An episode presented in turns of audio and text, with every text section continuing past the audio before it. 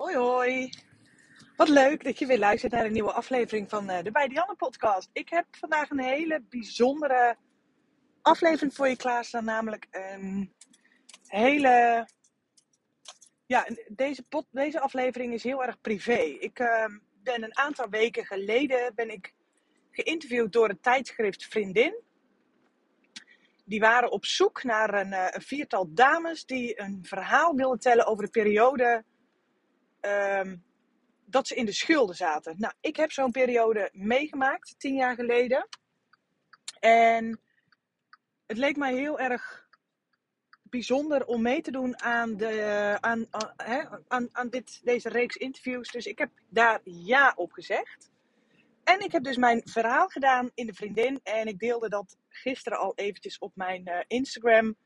Voor degenen die mij uh, nog niet volgen op Instagram of dit bericht niet gezien hebben. Ik zal onder in de side note van deze aflevering eventjes de directe link naar deze podcast aflevering eventjes uh, neerzetten. Voor degenen die daarop gereageerd hebben, echt vanuit de grond van mijn voeten, dankjewel. Vanuit de, hoe zeg ik dat? Vanuit de, ja, vanuit de grond van mijn voeten. Ik weet niet, die klinkt heel raar. Waarschijnlijk klopt die zin niet, maar goed. Dankjewel als je de moeite hebt genomen om een hartje of een, een berichtje achter te laten. Ik waardeer dat echt enorm.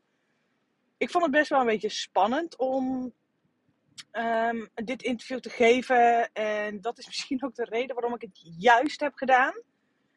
Um, want iets spannend vinden is voor mij niet meteen een definitieve no-go. Sterker nog, eigenlijk is dat voor mij juist een oké, waarom vind ik het spannend? En uh, hoppakee, we gaan even die ballen laten zien en we gaan het gewoon doen. Nou, dat heb ik dus met dit interview ook gedaan, omdat ik weet dat hier zo'n taboe op rust. En ik vind dat zo ontzettend jammer.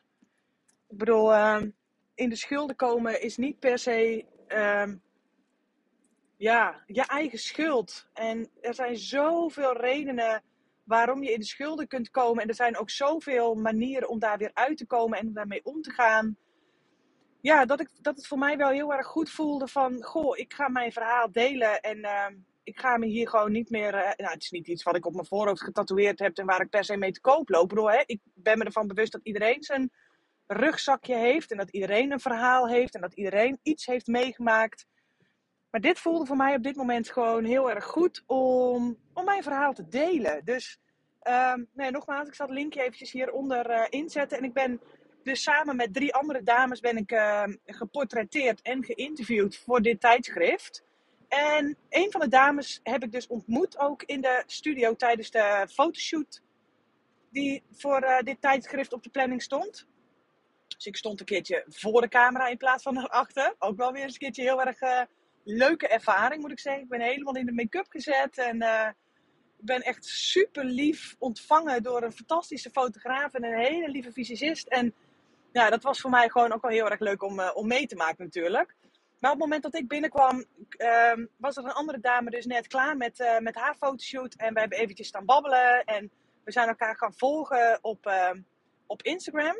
En wat wil nou? Deze dame, Eline, heeft ook een eigen podcast. Ik zal ook haar podcast even hieronder um, eventjes in een, uh, even hè, de link naar haar podcast en de link naar haar Instagram even hieronder delen. Voor degene die het leuk vinden om haar misschien even te volgen en podcast van haar te luisteren.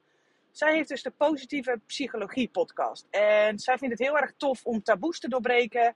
Nou ja, dat uh, is natuurlijk 1 plus 1 is 2. En zij benaderde mij van, goh Dianne, lijkt het je leuk om om met mij het gesprek aan te gaan en hier een podcast over op te nemen. Nou, weet je, hè, als ik mijn verhaal wil delen, dan vind ik het natuurlijk heel erg fijn om op zoveel mogelijk kanalen, zoveel mogelijk mensen daarmee te bereiken.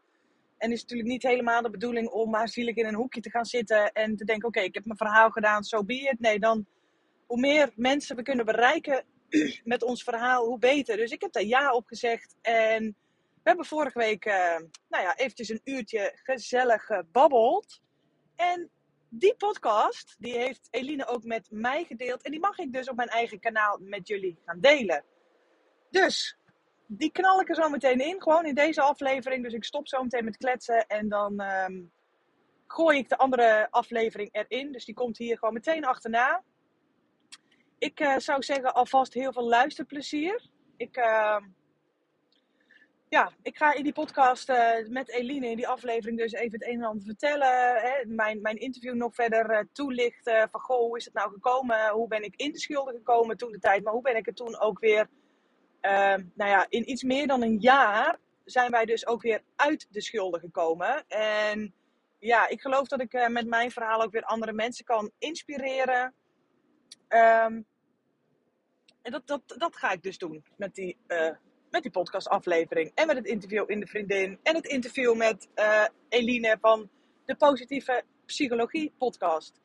Dankjewel in ieder geval dat je al zo ver naar deze podcast luistert. Ik uh, ga dit babbeltje alvast even afronden. Want ehm, ja, hierna komt het interview met Eline. Veel plezier alvast. En ehm, mocht je behoefte hebben om Eline of mij of wat dan ook een bericht te sturen. Wil je misschien je verhaal delen of uh, nou ja, wat dan ook, schroom niet en stuur ons gerust even een privéberichtje.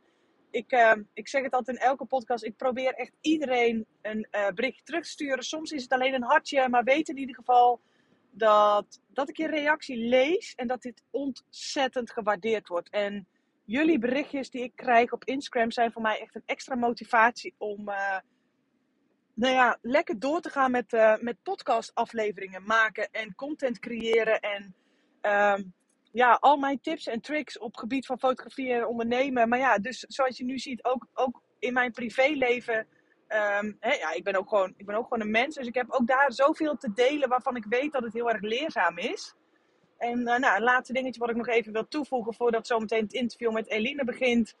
Um, deze periode in de schulden is voor mij echt wel een ommekeer in mijn leven geweest. En ik heb dat ook in het interview gezegd. Hè. Dat was voor mij het punt dat ik dacht: oké, ik wil nooit meer geldzorgen hebben.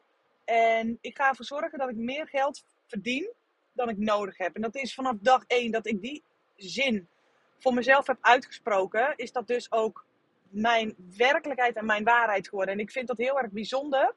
En dit is voor mij ook gewoon echt weer een bewijs wat je dus met wilskracht kunt bereiken. Al geloof ik wel dat je uiteindelijk meer moet doen dan alleen maar uh, een bepaalde wens of een bepaalde. Je doelen uitstippen. Uiteindelijk zul je daar natuurlijk ook naar moeten gaan handelen. Maar ja, dat is iets wat ook terugkwam in het, uh, in het interview. Dus ik zou zeggen, heel veel plezier met het, met het luisteren van het interview met, met Eline van de Positieve Psychologie Podcast. Dankjewel. Doei doei. Hoi, lieve lieve luisteraars. Welkom bij een nieuwe aflevering van de Positieve Psychologie Podcast. Vandaag zit bij mij aan de digitale tafel Dianne. Ik heb uh, Dianne heel kort even gesproken tijdens de fotoshoot van Vriendin uh, over het onderwerp uit de schulden. De vriendin komt volgende week uit, als ik het goed heb. En uh, ik dacht, wat een tof onderwerp om eens bespreekbaar te maken op de podcast, omdat ik denk dat er nog heel veel taboe op dit onderwerp zit. En uh, ik dacht, nou, met uh, twee uh, ervaringsexperts aan tafel moet dat vast goed komen. Dianne, van harte welkom. Hey, goedenavond. Wat leuk dat je mij hebt uitgenodigd voor je podcast. Echt heel erg tof. Ja, wat tof dat je ervoor open stond. Ik denk, gooi een balletje op en ik, ik kijk wel wat, er, wat eruit komt. Ja, ik ben een heel groot voorstander van taboes doorbreken. En dat is ook... Um de reden waarom ik heb meegedaan aan het interview van Vriendin. Ik zag die oproep en ik. Ja, die kwam bij mij echt op het juiste moment binnen. Dat ik dacht, ja, ik weet dat dit zo'n groot probleem is bij zoveel mensen. Ik, ik vind het echt heel erg tof dat dit gewoon door middel van deze interviews en deze podcast. Um, het mag echt wel wat bespreekbaarder gemaakt worden.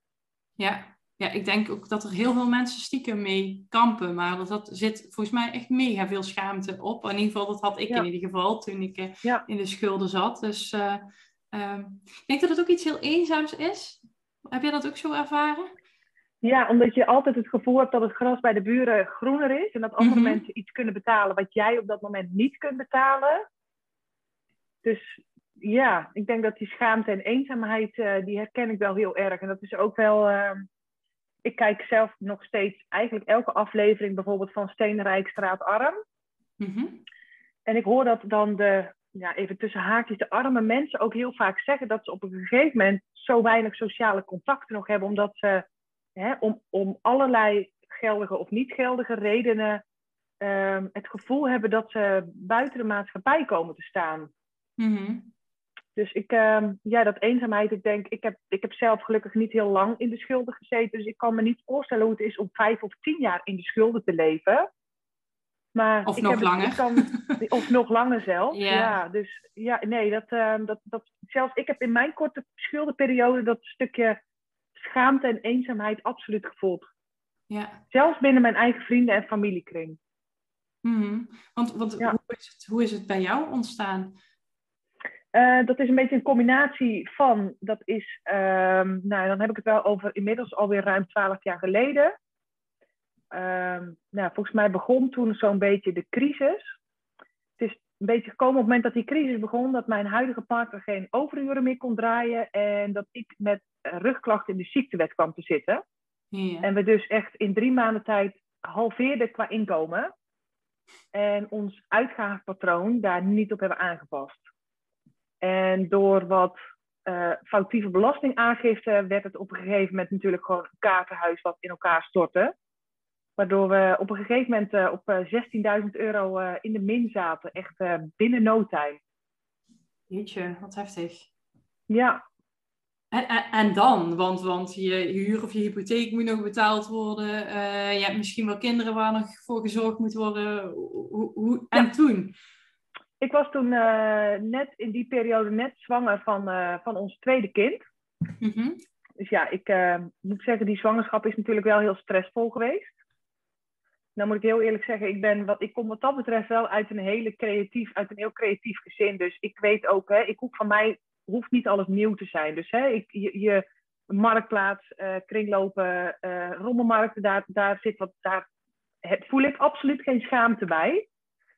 Dus ik ben daar wel, wat dat betreft, met die achtergrond die ik van huis uit heb meegekregen, wel, eh, wel, heel, erg, eh, wel heel erg blij. Maar er kwam op een gegeven moment natuurlijk een punt dat, je, eh, dat er dus rekeningen van je, of, hè, het, geld van je rekening af werd geschreven. Dat je op een gegeven moment wist van ja, mijn rekening is leeg en er moeten boodschappen ge- ge- gekocht worden. En er komt pas over een week weer salaris binnen. En dat is met twee jonge kindjes. Dat, dat, dat hebben wij niet lang volgehouden.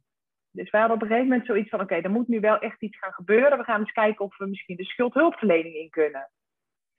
Dus, ehm, nou, dat traject zijn wij, of tenminste dat traject, we zijn niet heel veel verder gekomen dan de balie. Want een van de eerste dingen die ons daar verteld werd was: ja, hebben jullie een auto? Ja, die hebben we. Mijn oudste dochter ging toen net naar school en wij woonden ja, acht kilometer bij de basisschool vandaan. En ik had een, eh, nou ja, de jongste was eh, net geboren toen. Eh, die was echt een paar maanden oud. Ja, dat, om de schuldhulpverlening in te komen, moesten wij de auto verkopen. Of die mocht in ieder geval niet op onze naam staan. Nou, we hebben nooit heel creatief gedaan door hem op iemand anders naam te zetten. Hè, daar hebben we toen de tijd nooit over nagedacht. Nu ik dit zo bedenk, denk ik van ja, ik kan me voorstellen dat mensen dat wel doen. Dat het hè, voor de Mhm. schuldhulpverlening niet meer op je naam staat. Maar goed, dat was voor ons toen niet aan de orde. En toen hadden wij zoiets van, oké, dat gaan we dus niet doen. Ik zie dat niet zitten om... ehm, ja, er, er werd een stukje van mijn, van mijn eigen waarde werd afgepakt. Mhm. Het was een feit dat we in de schulden zaten. Het was een feit dat we eigenlijk meer kosten hadden dan dat er aan inkomsten binnenkwamen. Maar ja, dit klinkt waarschijnlijk voor sommige mensen ontzettend verwend. Maar mijn acht kilometer door weer en wind met twee kinderen op de fiets, waaronder een babytje van drie, vier maanden oud. Daar, daar knapte iets in mij. Ik denk, dit, dit, is, dit, is, dit kun je niet van me verwachten, dacht ik. Dit, dit, dit slaat nergens op. En toen zijn we dus in gesprek gegaan met eh, onze, allebei onze ouders. Dus met mijn, eigen, met mijn ouders en met mijn eh, nou, toenmalige schoonouders. En die hebben op een gegeven moment gezegd, oké, we moeten gewoon even de krachten gaan bundelen. En het is gewoon noodzaak dat je gewoon binnen no time of zo snel mogelijk uit die schulden komt. Ik bedoel, we hebben geen structurele geldproblemen. Het is ook niet dat we een extreem gat in ons hand hadden. Dus wat ze toen hebben gedaan is... ehm, mijn vader en mijn toenmalige schoonvader... die hebben voor ons een hele grote case gekocht. Een soort staakcaravan. En die hebben ze bij mijn ex-schoonouders hebben we die eh, op het erf gezet. Die hadden een boerderij. En wij hebben alles verkocht wat we konden verkopen. Dus ons huis, onze auto. Want we gingen heel dicht bij de basisschool wonen. Dus die auto hadden we ook niet meer nodig. Ja. En wij hebben anderhalf jaar in die keet gewoond en hebben in anderhalf jaar tijd 16.000 euro aan schuld afbetaald. Holy shit. Ja, dat is dat is het even in de notendop. eh. Ja, ja, ja, dat is even flink wat concessies gedaan. Alle jezus. Ja, maar weet je, dat voelde dus absoluut niet zo. Ik bedoel, we hadden nog steeds een dak boven ons hoofd. Ehm, nou ja, die grote luxe auto die we hadden. Nou ja, groot luxe, dat was een Volkswagen Golf. was helemaal niet iets heel speciaals. Maar goed, hè, dat is toch wel weer een auto van een paar duizend euro. Die hebben we toen ingewisseld voor een autootje van 1000 euro. eh, die ook nog eens mega zuinig was. Hè, voor de afstanden die je dan moet rijden. Dat je dat dan met die auto kon doen. Dus nu ik zo terugdenk, denk ik van... Oeh, ik weet niet of ik zo'n keuze nu, twaalf jaar later... of dat ik die nog een keer zo makkelijk tussen aanhalingstekens zou maken. Dus ik denk dat dat wel weer heel fijn is dat, ik, dat we toen gewoon nog heel erg jong waren. En ik denk hoe, hoe jonger je bent, hoe flexibeler je bent. Ja. Ja, dat misschien ook wel. Want hoe, hoe oud ben je nu? Ik ben nu 31. Oké, ja. En dus dat, dat was, ja, rond die periode was ik 20, 21 jaar. Dan ben je natuurlijk zo ontzettend jong. Hmm. We kwamen niet op straat te staan. We hadden nog steeds een dak boven ons hoofd. We hebben met leuke inrichtingen en een leuk verfje op de muren ook van die ja, het is een soort bouwkeetachtig iets, maar alles zat erin. Er zaten twee slaapkamers, een badkamer, een hele grote woonkamer. Ik heb me zelfs in die periode daar wel heel erg dankbaar voor gevoeld. Dat ik dacht, dit is wel heel erg fijn. En via um, vrienden van mijn ouders, um, een vrouw die, uh, die, die, die was budgetcoach, dus die is ook met ons gaan zitten. Van goh, we gaan alle rekeningen, openstaande rekeningen op tafel gooien. En uh, nou, we gaan een vast bedrag per week gaan we pinnen voor de boodschappen. En uh, de rest gaan we gewoon schulden afbetalen. Waardoor we, ik zie dat mijn lamp uitgaat. Heel even, de, even iets pakken. Dus um, ja.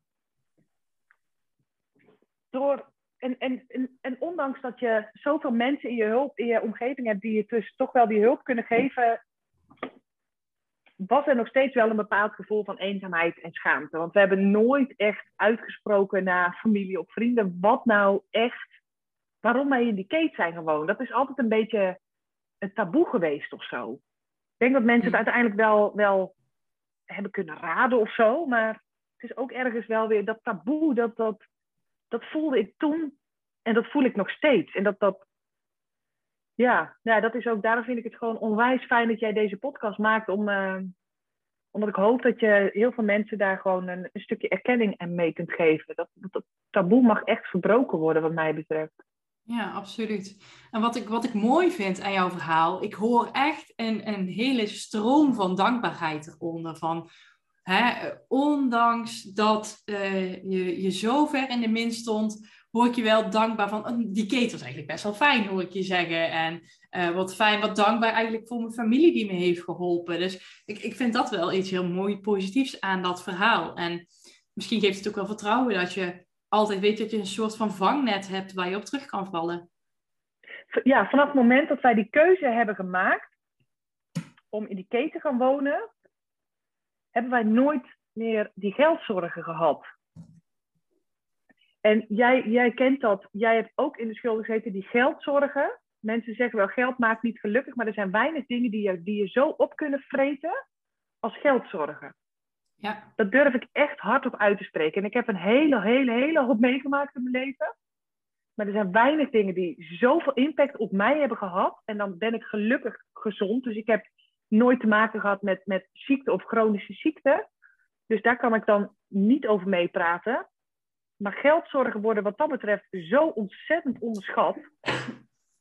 Dat denk ik ook. Volgens mij is uit wetenschappelijk onderzoek uh, zelfs gebleken dat je IQ volgens mij 10 punten daalt. Als jij zo bezig bent met, met die geldzorgen, dat geeft zoveel spanning en stress, waardoor je slecht slaapt, slecht kan presteren op je werk. Ja. Omdat je daar, het, ja, wat je zegt, het vreet je op, het houdt je bezig. Ja. En uh, het, is, het is verschrikkelijk. Het is echt Ja, dus- verschrikkelijk. Ja, wat je, wat je zegt over dat stukje dankbaarheid. Ik, ehm, als, ik, als ik een groep met positieve mensen en, en, en wat meer pessimisten in een, in een hokje mag stoppen, schaar ik mezelf niet per se bij de optimist.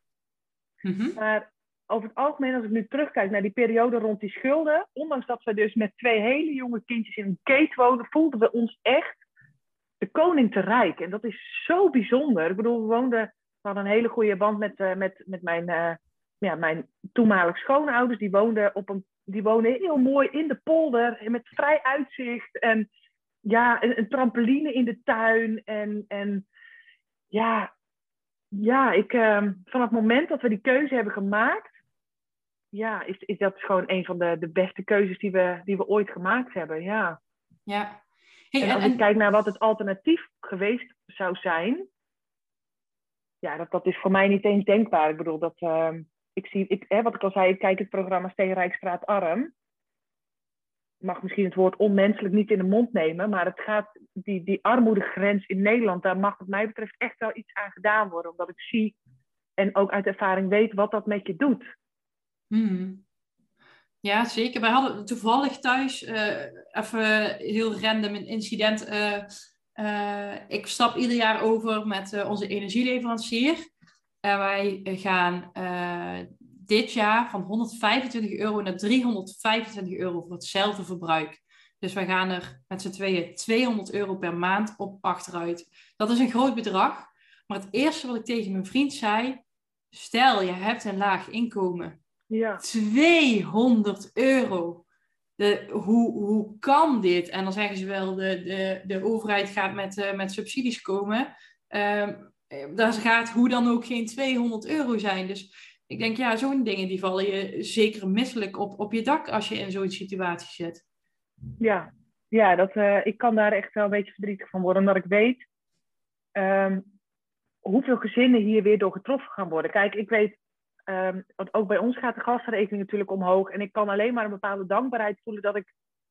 Natuurlijk, het is niet leuk. Hè? Je mag kiezen tussen 200 of 400 euro, kies je natuurlijk 200 euro. Maar ik, ik ben wel heel dankbaar dat ik daardoor niet ik, ga, ik krijg er geen stress van, want ik weet, ik kan het betalen. Mm. Maar ik weet ook, mensen die in de schulden zitten, of mensen die al op dat randje leven van het net wel, net niet kunnen betalen. Er zijn weer zoveel mensen die hierdoor uh, weer verder in de problemen komen. Ik bedoel, want het is en-en. Hè. Ik merk het bij de boodschappen en ik merk het bij het tanken. Het is, en, en, en salarissen gaan er niet op vooruit. Nee.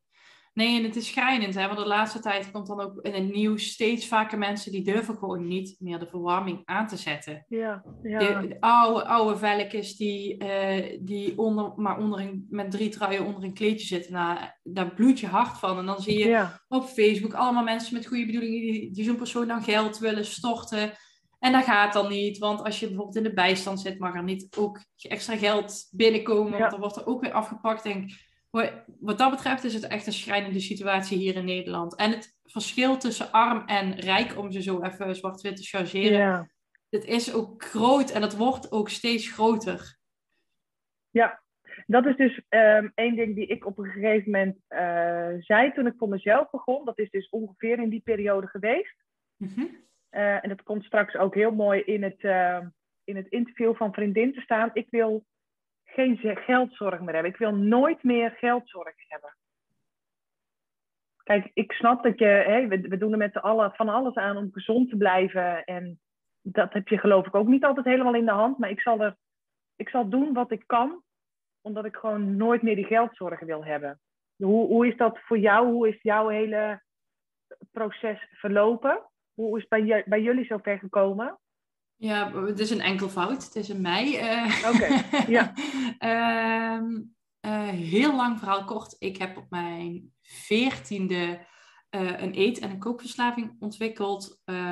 omdat ik gewoon echt een hele nare jeugd heb gehad.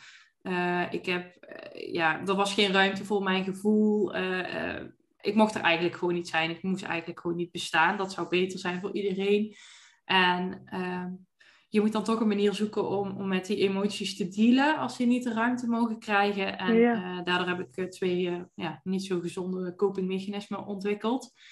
Um, en zowel die eetverslaving als die kookverslaving is door de jaren heen eigenlijk verergerd. Want ja, er zijn steeds meer emoties die niet de ruimte krijgen. Dus er is steeds extremer, extremer hoeveelheden aan eten, extremer geld uitgeven.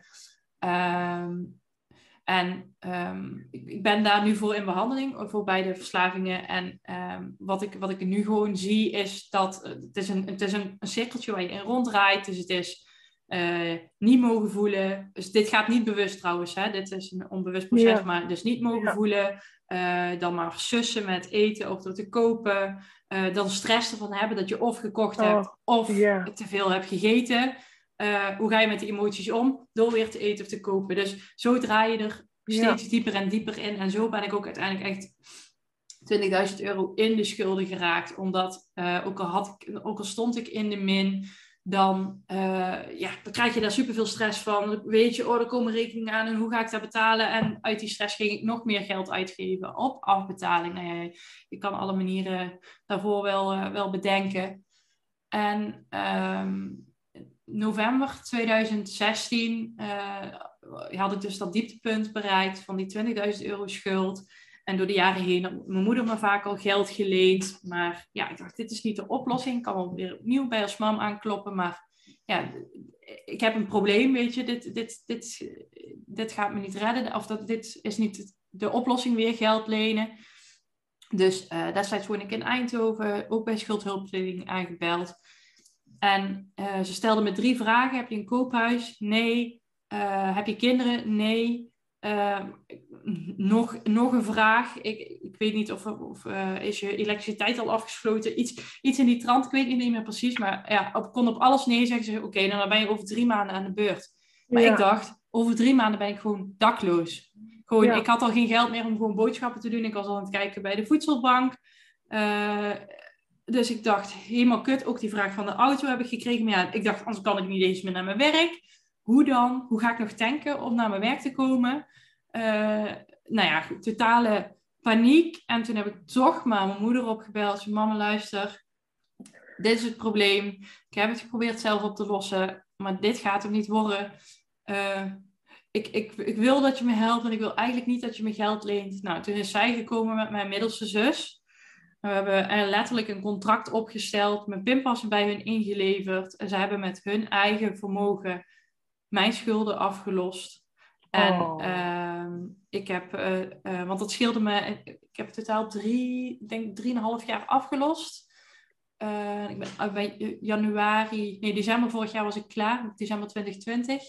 Uh, oh, ik heb een, goed, hè? Ja, met mijn eigen geld afgelost. En oh. ik heb dus een eigen pinpasje gekregen. En daar werd, werd 30 euro op gestort. En dan kon ik het mee doen. Um, en 30 euro is niet veel. Want je kan je voorstellen, als jij diegene bent die altijd alle rondjes betaalt, uh, bij ieder feestje erbij is, Eline is er altijd, Eline die betaalt wel, uh, ja, dat je op een gegeven moment daar ook vrienden mee verliest. Ja. Dus dat was echt wel een pittige tijd. En um, ja, op een gegeven moment gaat het ook wringen met familie, want dan had ik iets nodig en dan vond mijn zusje dat van niet. En nou ja, dat zijn gewoon niet zo'n handige situaties.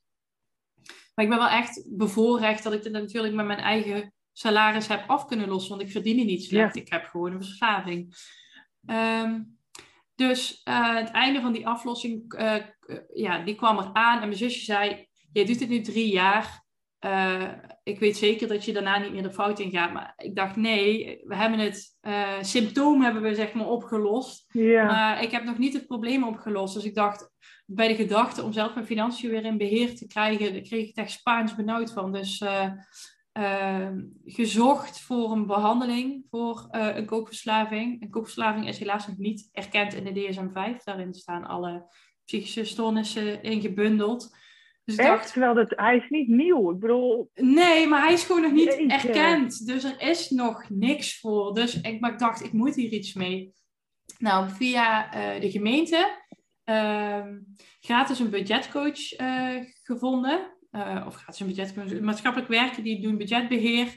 Want uh, als je gaat googlen, er zijn heel veel mensen die tegen betaling jouw financiën gaan regelen. Ja. Uh, en nu heb ik het op deze manier geregeld. Het kost me geen geld. En ik heb drie jaar de tijd om, om het zelf te leren, eigenlijk.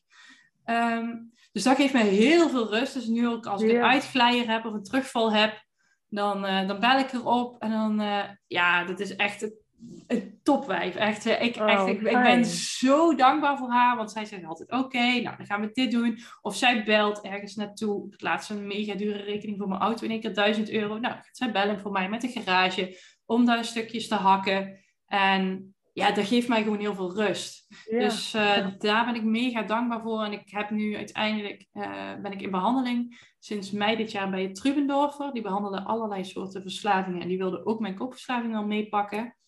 Dus ja. dat is een uh, ongoing process. Maar bij mij liggen er, liggen er zoveel trauma's. En nou ja, er ligt van alles gewoon aan ten grondslag. Ja, precies. dat, ik, dat ik nog niet van die verslaving af ben. Maar ja, er, er, wordt aan gewerkt, zeg maar. En ondertussen, mijn geld staat veilig.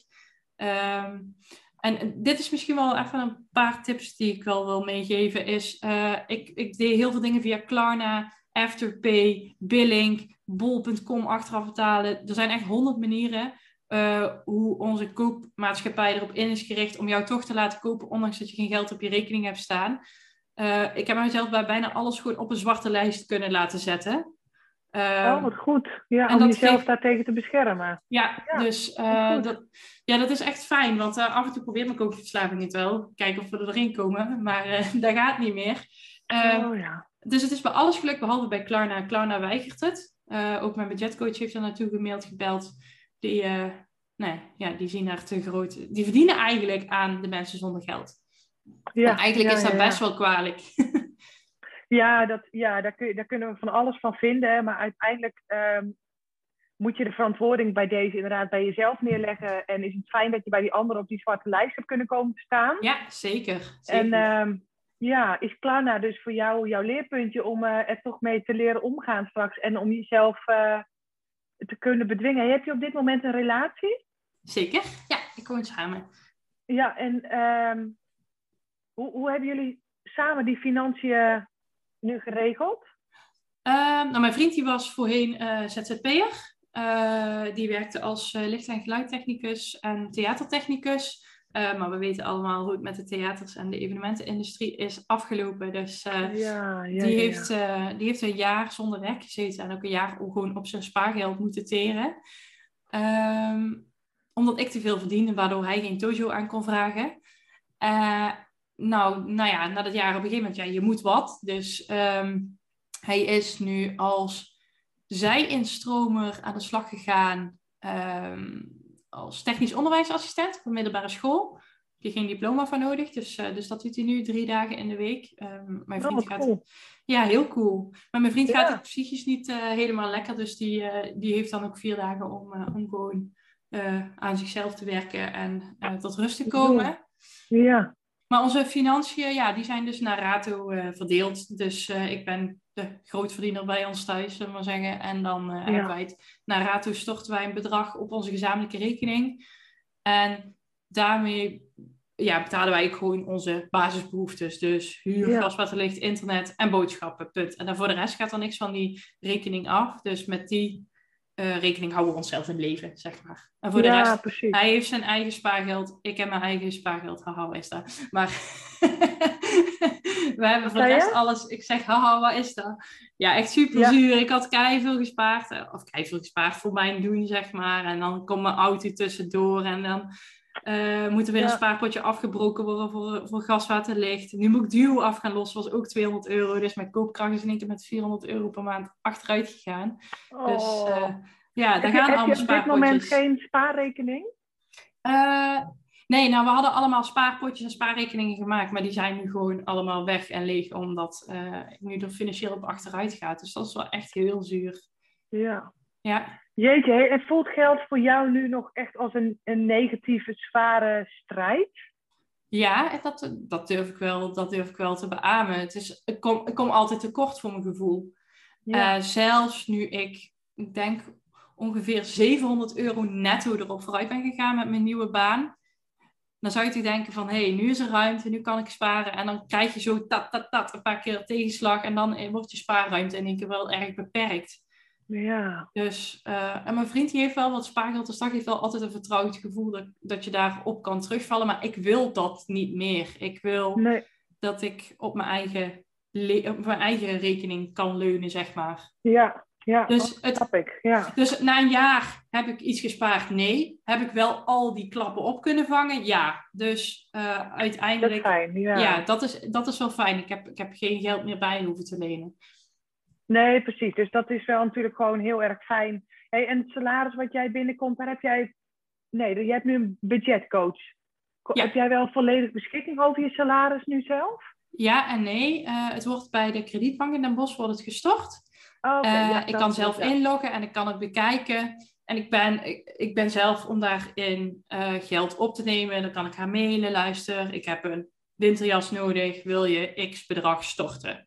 En Oh, dan, ja. eh, maar ik moet het nu vragen. Dus alles waar ik geld voor nodig heb, moet ik vragen. En, en dat helpt voor mij, want dan geef je jezelf weer een extra drempel om jezelf te beschermen om niet impulsief geld uit te geven. Want ik ben gewoon vreselijk impulsief. Ja, ja, ja. Ja. Ja, dat lijkt me wel. Ik, ik heb die strijd echt, zodra wij uit de schulden kwamen, heb ik die gelukkig echt achter me kunnen laten. En eh, dat, vanaf dat moment kon ik dus ook gaan sparen. Ik bedoel, ik heb dat, dat stukje spaarrekening heb ik ook nooit gekend binnen mijn relatie met mijn ex. Want daar ging, daar ging letterlijk, alles ging gewoon op. Mhm. Ehm, Maar hoe En- deden jullie dat dan als er in één keer iets onverwachts kwam? Nou, ik weet bijvoorbeeld dat wij op een gegeven moment ehm, gewoon aan de max zaten van wat we uit konden geven. En toen ging de televisie kapot. En toen heeft mijn ex dus inderdaad een televisie op aanbetaling gekocht. En ik weet nog dat ik daar heel veel moeite mee heb gehad. Omdat je, ja, je hebt een televisie in huis staan die je eigenlijk niet kunt betalen. Dus ja, ik, op het moment dat, mijn, dat, dat ons huwelijk stuk ging en dat ik het, het, het bij, bij hem wegging, heb ik het ook echt drie jaar lang heb ik het zelf moeten rooien, zonder alimentatie, niks. Mhm. Dat, dat heeft me ook wel weer heel erg veel geleerd, want ik vond een bepaald bedrag op mijn spaarrekening belangrijker dan een nieuwe televisie. Mhm. Dus ik, ik, ging, ik ging dus echt een bank kopen bij de, bij, de, bij de kringloop voor 75 euro, waar ik gewoon heel erg veel plezier van heb gehad.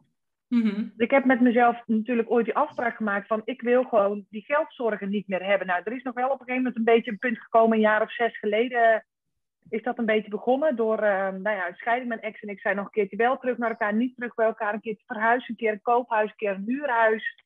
Ehm, waardoor er op een gegeven moment zoveel foutieve, opnieuw, zoveel foutieve belastingaanslagen lagen, waardoor er op een gegeven moment dus Ehm, nou, ik denk dat het bijna 15.000 euro stond ik dus weer in de min bij de Belastingdienst. Oh, mijn hemel.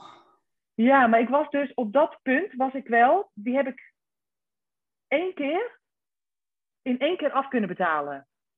Holy shit. Dat ik dacht, oké, ik eh, shit, ik heb dus al die jaren te veel geld ontvangen. Ik ga ervan uit dat als ik nu geld overmaak naar de Belastingdienst, terwijl, dat, terwijl ik te veel geld naar ze overmaak, dan komt het wel weer terug. Ja, dat is Maar doordat ik die afspraak met mezelf heb gemaakt, ik wil, hè, want ik maak een afspraak met mezelf, dan wil ik hem ook nakomen ook. Ik wil nooit geen zel- geldzorgen meer. Dat was het moment dat mijn spaarrekening elke maand groeide. En dat wil niet zeggen dat ik geen geld uitgaf of obsessief op mijn geld ben gaan zitten. Helemaal niet.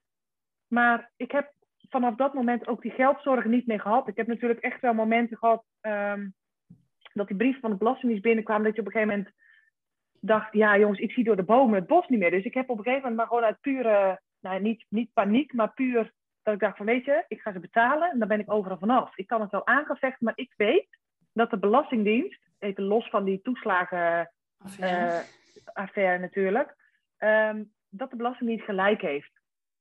En ik kan hier wel moeilijk over gelopen doen, maar ik heb het geld nu staan. Ik ga het gewoon afbetalen, dan ben ik er vanaf. Dus dat, dat is nog eenmalig iets geweest ehm, in, de, in, de, in de afgelopen jaren. Dat ik echt zoiets had, ah, kak, weet je. Ik zit hier echt niet op te wachten. Ik heb net een fijne buffer. Ik was toen natuurlijk al ZZP'er.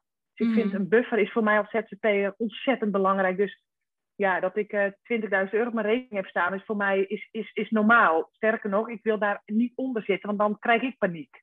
Ja, ja, ja. ja. Snap je? Dan denk ik, ja, shit, als ik nu een half jaar uit kom te vallen, dan moet ik niet in geld... Ik, ik wil geen geldzorgen meer, dus ik wil die buffer wil ik hebben, snap je? Ja, die voel je heel sterk, hè? Ja, absoluut. Ja. Ja, ja dus ik heb... ehm, ja, die, ja, dus ik vind het wel jammer om te horen, maar dat, hè, je, weet, je weet wel waar bij jou dus het probleem vandaan komt. Ik vind het wel heel erg goed dat je daar dus ook echt gewoon mee, mee aan de slag gaat. Dat je denkt, ja, nou is het klaar. Maar ik ben er ook helemaal klaar mee. Weet Ja, het is nou, zo, het is zo ongezond. En die, en die geldzorg, wat je zegt, het is echt verschrikkelijk.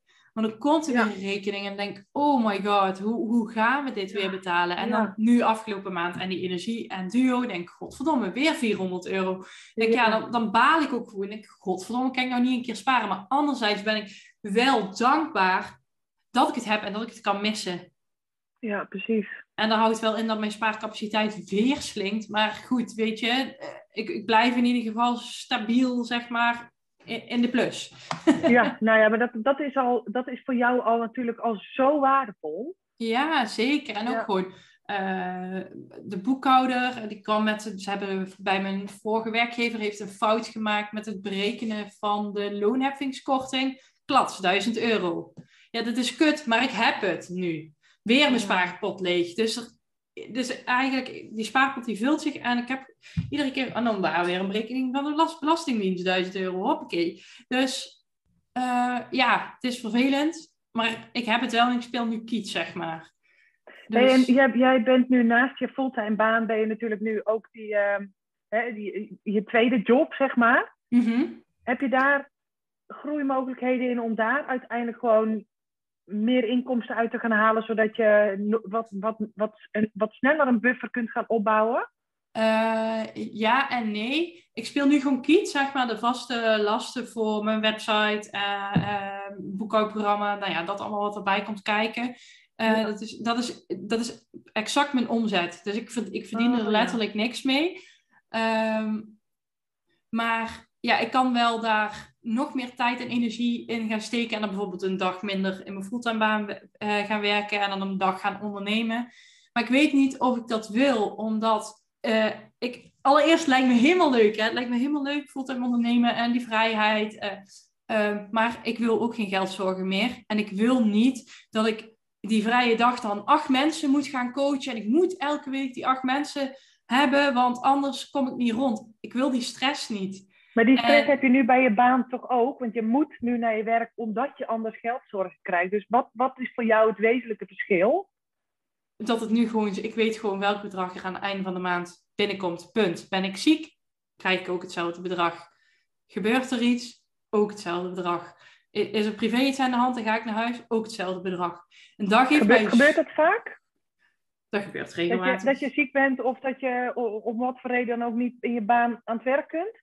Eh, nou, ik ben nou de afgelopen, ik ben nu een week ziek geweest, en ook twee maanden terug een week ziek. Ik heb eh, met periodes van veel stress, vaak migraine, dan val ik uit. Eh, mijn vriend die eh, af en toe het leven niet ziet zitten, dan moet ik thuis ook even schakelen. Dus weet je, dat ik me daar geen zorgen over hoef te maken. Dat, Ja. dat, dat, dat, dat, dat ik daar een vangnet voor heb, dat is mij op dit moment, dat is mij alles waard.